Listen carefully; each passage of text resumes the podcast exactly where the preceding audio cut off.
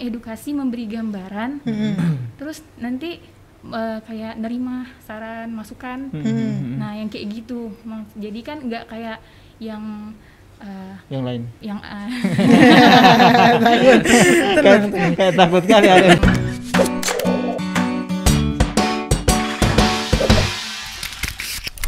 Selamat malam Tribuners. Selamat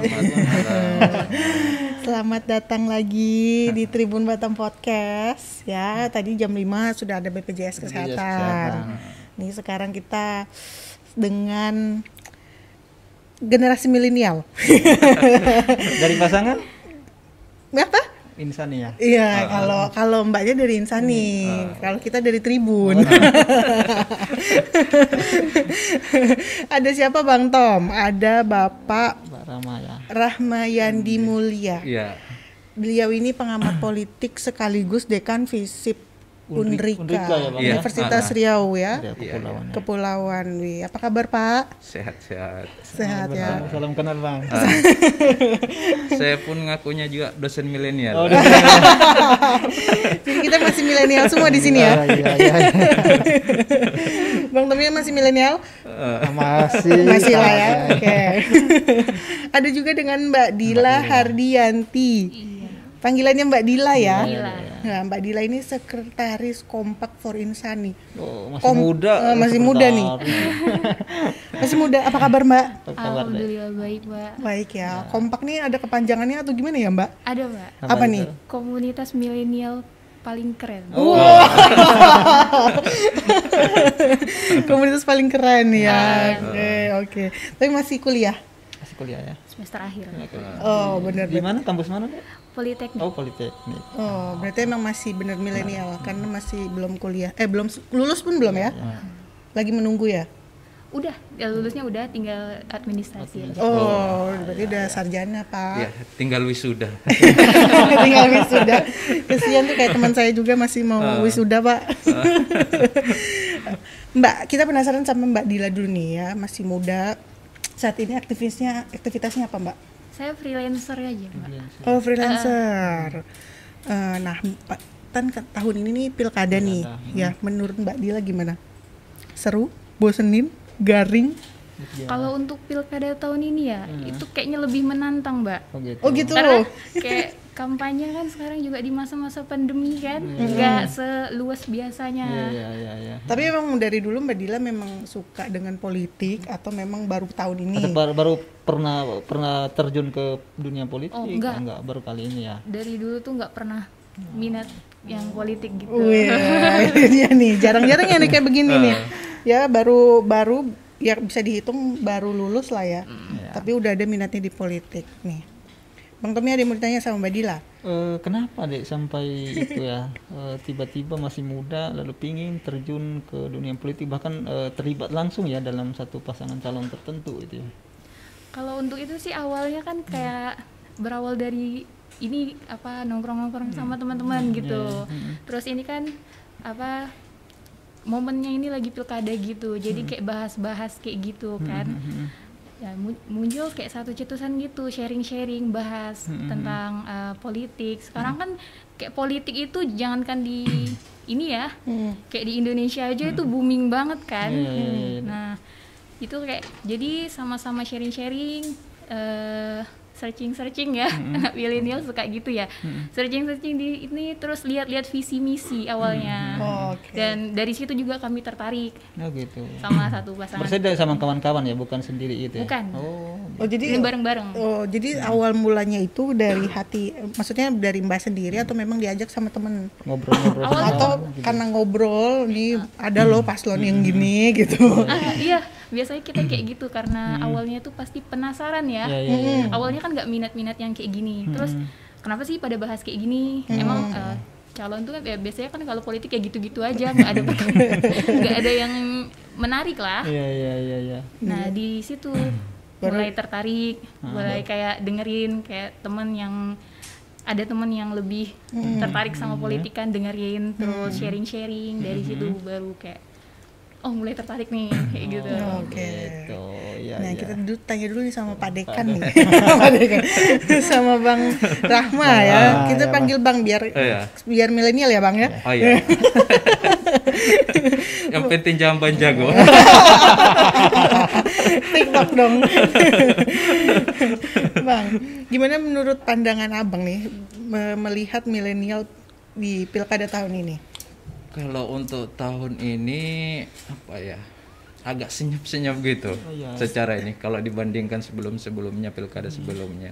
Karena mungkin karena masalah pandemi ya. Oke. Sehingga eh, riak-riak politik itu agak senyap-senyap gitu. Tapi secara ini eh, mungkin lebih ramenya di grup-grup WhatsApp atau di media sosial secara ini.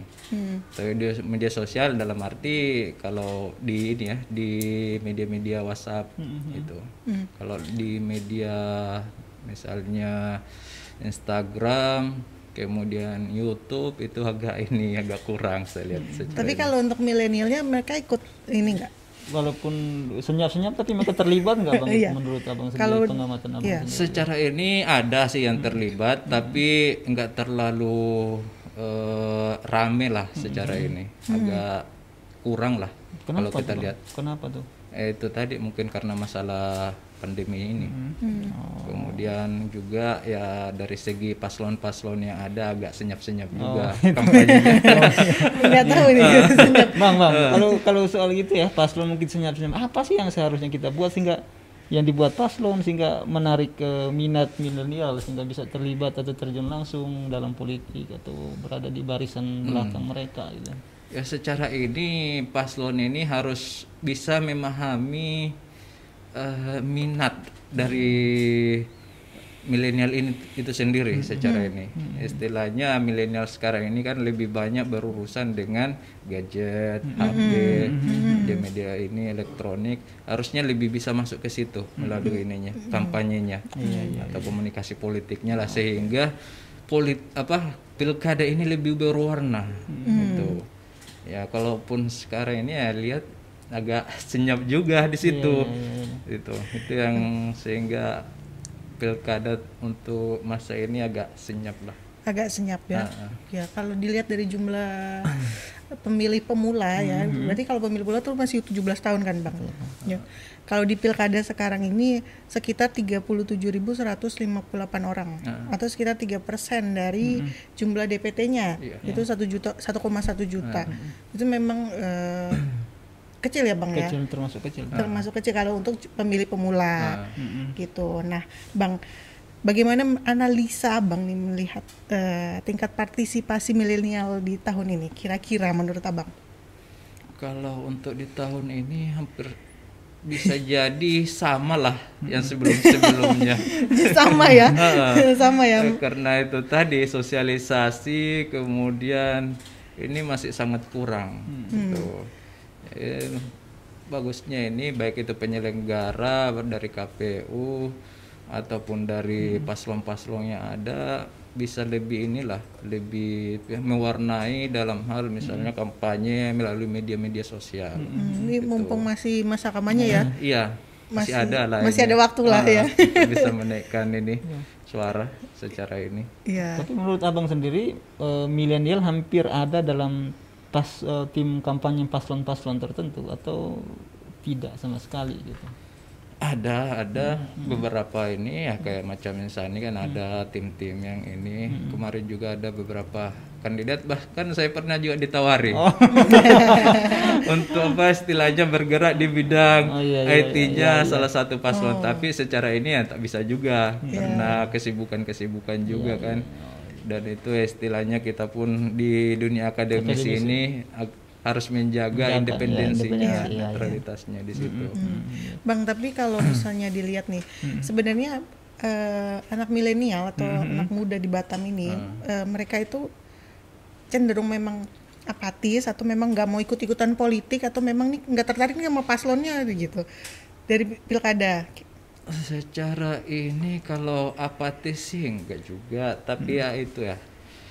Eh, program ku- program yang ingin disampaikan ke masyarakat itu masih istilahnya masih biasa-biasa aja. Ah, Oh. belum apa ya membangkitkan keinginan untuk mau memilih oh saya harus pilih paslon ini karena program dia usung cukup bagus untuk ke depan kita bersama utamanya milenial-milenial itu Hmm, jadi menurut abang dari tiga paslon nah, itu belum ada yang langsung wow banget itu ya menyentuh. Iya, gagasannya dari segi milenial ini belum terlalu menyentuh lah. Ini tantangan buat milenial. Ini tantangan ini buat Dila ini. iya masa dibilang belum mau sih mau nggak terima nih kan iya kita tanya Iya, dulu ke Mbak. Dila. Gi- Gimana tuh, Mbak? Gimana Mbak Dila? ini belum di- dibilang nggak wow nih kan padahalnya mbak terlibat di insani gitu berarti Iya. insani belum wow juga nih kayaknya Tapi sejak kapan Mbak di Insan? Maksudnya masuk jadi relawan di ini? Eh, Insan nih. ngebahas ngebahas gitu Hmm. terus sebulan yang lalu lah tapi kalau misalnya membentuk komunitas ini baru ya sekitar seminggu lalu Oh. baru baru Baru, baru. Hmm. Tapi memang dari awal sudah tertarik sama Insani. ah ya oh gitu. Hmm, nah se- setelah bahas-bahas itu lalu untuk masuk bergabung dalam tim insan itu gimana tuh? Coba cerita tuh kan gini kalau misalnya anak muda ya bener kata bapak ya. Itu rada cuek Iya, ya iya, tentang iya. yang gini-gini karena kalau saya pribadi juga dulu kayak masih sekolah pengangguran toh banyak juga. Milih-milih penganggur banyak juga. Ekonomi juga susah Iya, juga. ya yang masih gitu-gitu juga. Jadi kayak ya udahlah milih nggak milih sama aja kayak gitu mikirnya gitu. Terus kayak eh, oke stop nih. Kami tuh kayak butuh sosialisasi gitu. Hmm. Nah, di situ kami kemarin belajar, belajar bahwa untuk menentukan eh, calon kita juga harus mempertimbangkan visi misi. Visi misi itu kan ibarat janji yang harusnya dilakuin ya. Iya, Iya. Bisa jadi jatuhnya kewajiban ya, Mbak. Iya, iya, nah, iya. jadi kami tuh lebih ya dari situ tertarik sama itulah visi misi. Kami lihat pertama dari visi misi, dari eh, bahas juga dari sosok-sosoknya kayak gitu. Dari situ sih. Tapi kalau Mbak Dila jab, dari jabatannya sebagai sekretaris ya tadi? Eh, sekretaris. Mbak. Sekretaris. Nah itu tugasnya ngapain Mbak kalau misalnya di situ? Kita nggak yang satu gitu sih sama-sama gitu Oh, Rambut. sama-sama. Ah, jadi saling ngingatin terus nanti kayak apa mem- mengajak lah mengajak milenial gitu ayo dong peduli peduli politik kayak gitu kita ini kayak aset bangsa juga gitu kan Nah sebenarnya ada nggak sih harapan dari Mbak Dila kenapa harus masuk ke Masuk. ini ke kompak ya kompak tadi namanya kompak for insan nih for ya. Insani. Di situ tuh kompak sebenarnya didiriin itu buat menjadi wadah Mm-mm. Nah, wadah buat uh, para milenial nih. Uh, kami kan istilahnya milenial nih kan kaum-kaum yang juga butuh diperhatikan ya, Pak ya. Iya. Nah, kami apa kayak kami butuh wadah yang bisa nyampein aspirasi kami, kayak keinginan kami gitu. Iya. Untuk bisa disampaikan langsung. Hmm. Nah, kami bentuk itu buat anak muda-anak muda Mm-mm. Yang ngerasa ya mereka butuh didengar. Aspirasi mereka butuh untuk di uh, setidaknya dipertimbangkan gitu. Hmm. Dan itu apakah memang karena melihat Memang eh, setelah masuk ke situ memang banyak menarik anak-anak muda di kalangan Mbak untuk bisa bergabung ke Insani atau seperti apa? belum sih tapi uh, ada beberapa yang memang udah jadi tim suksesnya Mm-mm. udah kayak bergabung sama Insaninya Oh. kayak gitu Hmm. Hmm, iya, iya, iya. memang kita ini ya agak apa Untuk ya memahami milenial ini agak susah ya. Agak mau susah. mau maunya dia ini kan kadang-kadang kita juga bingung juga kan. Tapi kita mau- milenial loh. Ah, Iya.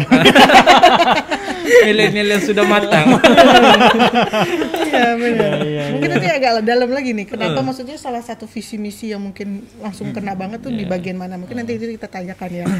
Eh, ke ini dulu ke Bang. Dosen dulu. Bang, kira-kira hal apa yang harus dihadirkan paslon untuk dapat nih langsung menyentuh si generasi milenialnya? Apakah memang eh, programnya langsung nih akurat nanti ada lapangan kerja atau memang harus seperti apa? Pembawaannya atau gimana Atau pembawaannya, gayanya? gayanya. Ya. Eh, dari segi pembawaan ini nggak terlalu berpengaruh Enggak benar ya. Apa dari usia Mungkin, berpengaruh? eh, usia juga enggak. Secara ini kalau kita mau betul-betul ini adalah dari segi ini program, program yang Program. ingin yang dicapai lah secara yang real, yang lebih rasional. Karena milenial-milenial ini saya lihat lebih rasional dalam menentukan pilihan secara ini. lebih rasional ya. Nah, ketimbang dengan apa namanya eh, pemilih-pemilih yang sifatnya simpatisan. Nah, tapi ini maksudnya langsung program yang rasional berarti programnya yang benar-benar oh ya nanti bener nih ada yang ini nih Iya, gitu. ter- terukur lah secara ini. Misalnya bukan lagi muluk-muluk, oh kita mau membangun lapangan kerja ini Ah, ini, itu ini. maksudnya begitu. Ah, eh, paslon ini secara ini ya istilahnya misalnya ada semacam program misalnya eh, usaha kreatif yang istilahnya terpadu UMKM kemudian pengembangan misalnya yang digandrungi oleh anak-anak muda IT itu yang Startup ah, gitu ya. startup itu.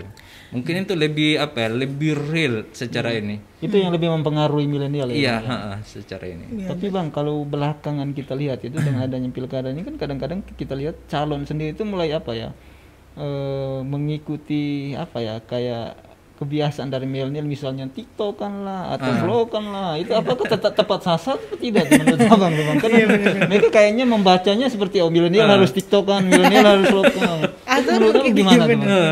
Iya, iya. mungkin kalau milenial sekarang langsung shock. Langsung jadi tanda tanya kalau secara ini. Oh, kok ini? Ya secara ini sih ya milenial itu ya sifatnya apa ya? Itu tadi rasional dalam melihat situasi. Ininya karena kan kalau kita melihat milenial ini kan terbagi-bagi juga sebenarnya.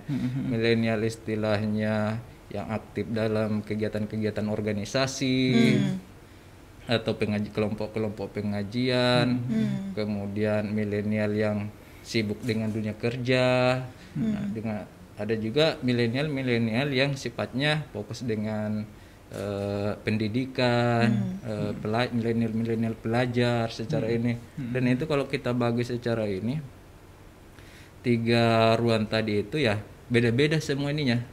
Eh, proses eh, penglihatannya dalam dunia po- eh, politik ini. Eh, Kalau mungkin ya yang kayak macam Dila mungkin aktif di organisasi ya secara ini. Dulu. Enggak, Di organisasi ya. Kelompok-kelompok pengajian yang mungkin sudah ada apa corongnya untuk ini. Eh, istilah di situ. Kemudian baik itu organisasi HMI, kami, Kami, ya, ya, ya. kemudian PMII, nah, itu udah jelas semua ininya, ke mana semua Ke mana arah, arahnya, ya. arahnya semua itu secara ini. berarti Ah. berarti nggak nggak perlu nih kalau jadi paslon harus tiktokan nih biar maksudnya menarik simpati. nggak nggak nggak harus gitu ya. Tapi kita harus dengar dulu dari Mbak Dila. nah nih Mbak Dila nih. Mbak Dila ini mungkin lebih masuk Iya. langsung spesifik nih Mbak. Apa yang membuat Mbak mau mendukung Insani ya kan? Eh, itu kembali lagi kami kan visi misi mbak ya. Di situ kan ada yang visi misi tentang eh, pendidikan. Oke. Terus kayak eh, lapangan kerja. Oke. Jadi yang kayak gitu-gitu kan itu vital ya. Itu penting bagi kami gitu kan. Ke mana nih kami setelah kami sekolah kayak gitu. Ke mana kami setelah kami belajar. Hmm. nah, ya, kami butuh kayak gambaran gitu. Dan itu ditemukan di pas Eh, paslon ini. Hmm. salah satunya apa Mbak? Kayak eh, yang paling inilah paling kena banget sama Mbak. Oh ini ini pengennya aku jadi bikin masuk nih. itu saya pernah eh, ini boleh dibahas nggak ya Eh, untuk paslon ini kampanyenya itu lebih mengedukasi masyarakat. Saya Oke. pernah ikut ya nggak set- nggak selalu, makanya cuma beberapa kali. Itu lebih mengedukasi, Hmm. tidak yang ayo dong pilih kami gitu. Oke. Enggak, mengedukasi, memberi gambaran. Terus nanti eh, kayak nerima saran, masukan. Nah, yang kayak gitu. Jadi kan nggak kayak yang eh, Yang lain. yang eh, kayak, kayak takut kali ada. Tapi dari apa maksudnya dari program atau visi misinya Pak Insa, Insani lah Insani. Insani ya. Maksudnya yang menurut Mbak milenial banget yang mana? itu ada yang yang revolusi 4.0 itu. Hmm. Apa tuh revolusi 4.0? Coba apa itu? Revolusi 4.0-nya lebih ke teknologi ya. Ah, ah, lebih ke teknologi, Hmm. mendorong modernisasi sarana pendidikan termasuk digitalisasi sekolah. Oh, ya, digitalisasi sekolah. Digitalisasi sekolah. Berarti bener yang kayak tadi ya Bang ini bilang lebih langsung menyentuh ke maksudnya ke bidang teknologi. yang digeluti oleh milenial gitu ya, Bang. Hmm. Susah ditebak emang ya. Tapi sebelum sebelum eh, akhirnya memilih ke Insani, eh, Mbak Dila dan kawan-kawan sempat memberi apa, membuat apa ya perbanding atau penelusuran ke calon-calon yang lain juga gitu. Iya, ya. kami sempat kayak bahas juga kan. Hmm.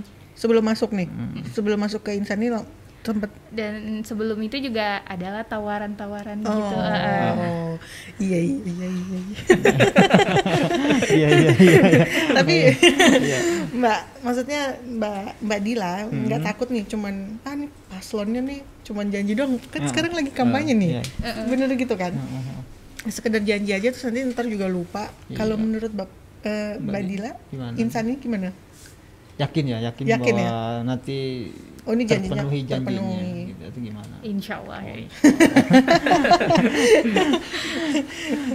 Oke, Iya. itu aja Mbak. Nggak ada mau di yakin nih, pasti yakin gitu. Yakin ya. Selagi mereka masih berpegang teguh pada visi misi yang Oh, dilantarkan siap. sekarang, insya Allah mudah-mudahan. Oke, kita kembali ke ini ke Bang Rahma.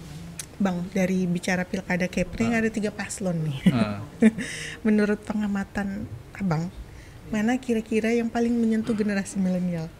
Mana yang kita sudah sama- sudah sama-sama melihat debat nih mungkin ya? Mungkin dari takaran debat itu dulu lah Bang itu. Kalau secara ini Mungkin dari visi misinya. Hampir sama semua sih. Hampir sama.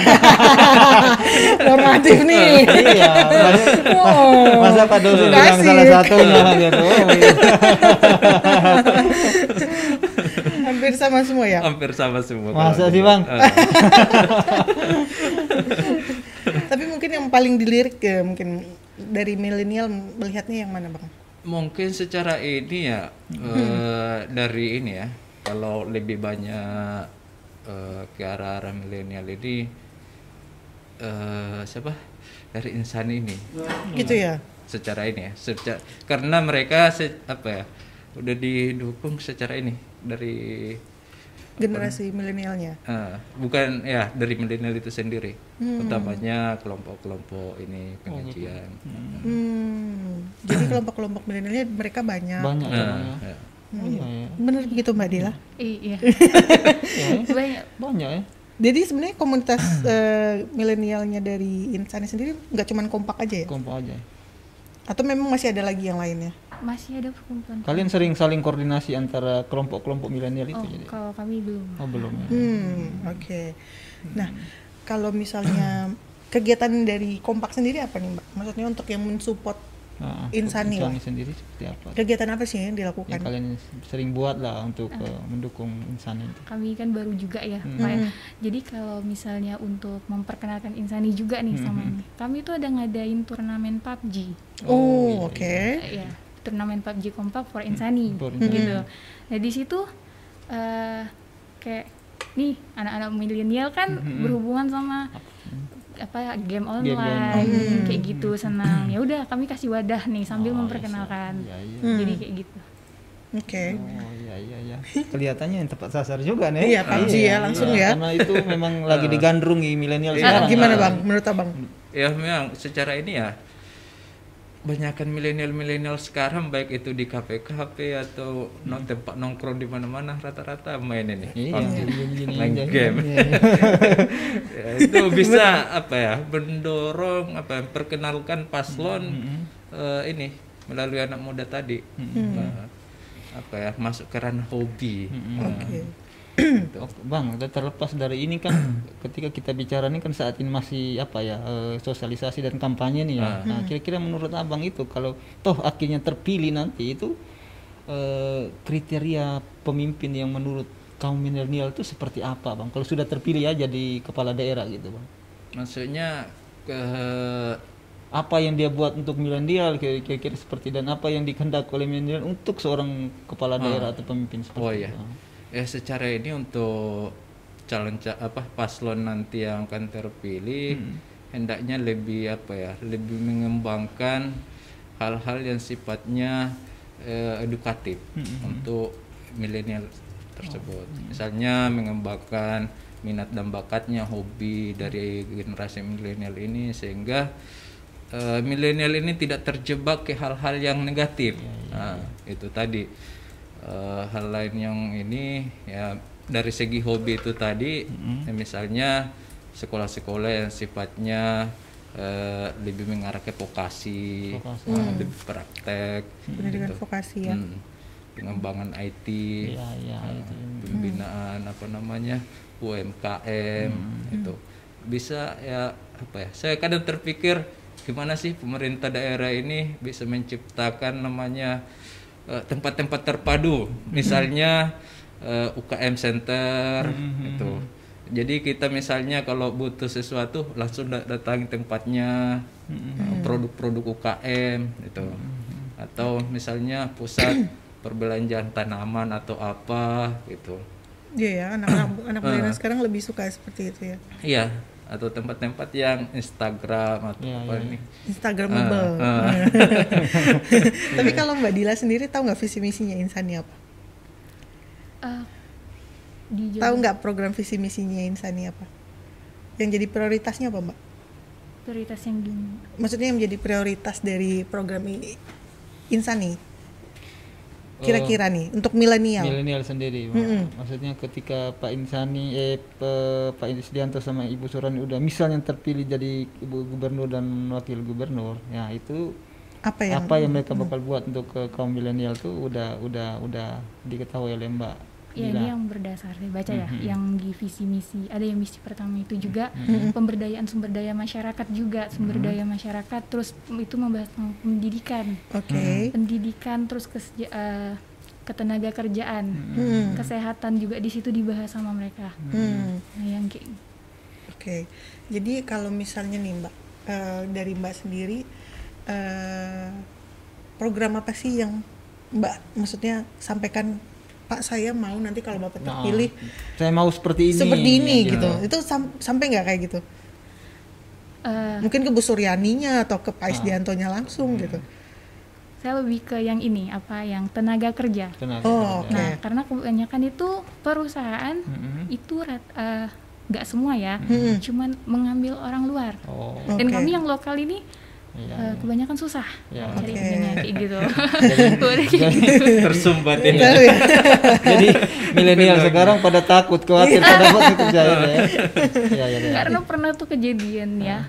Kayak acara wisuda nih terus eh, tuh, eh, sopir online ya. Mm-mm. itu nyeletuk wisuda lagi pengangguran banyak lagi dong kayak gitu.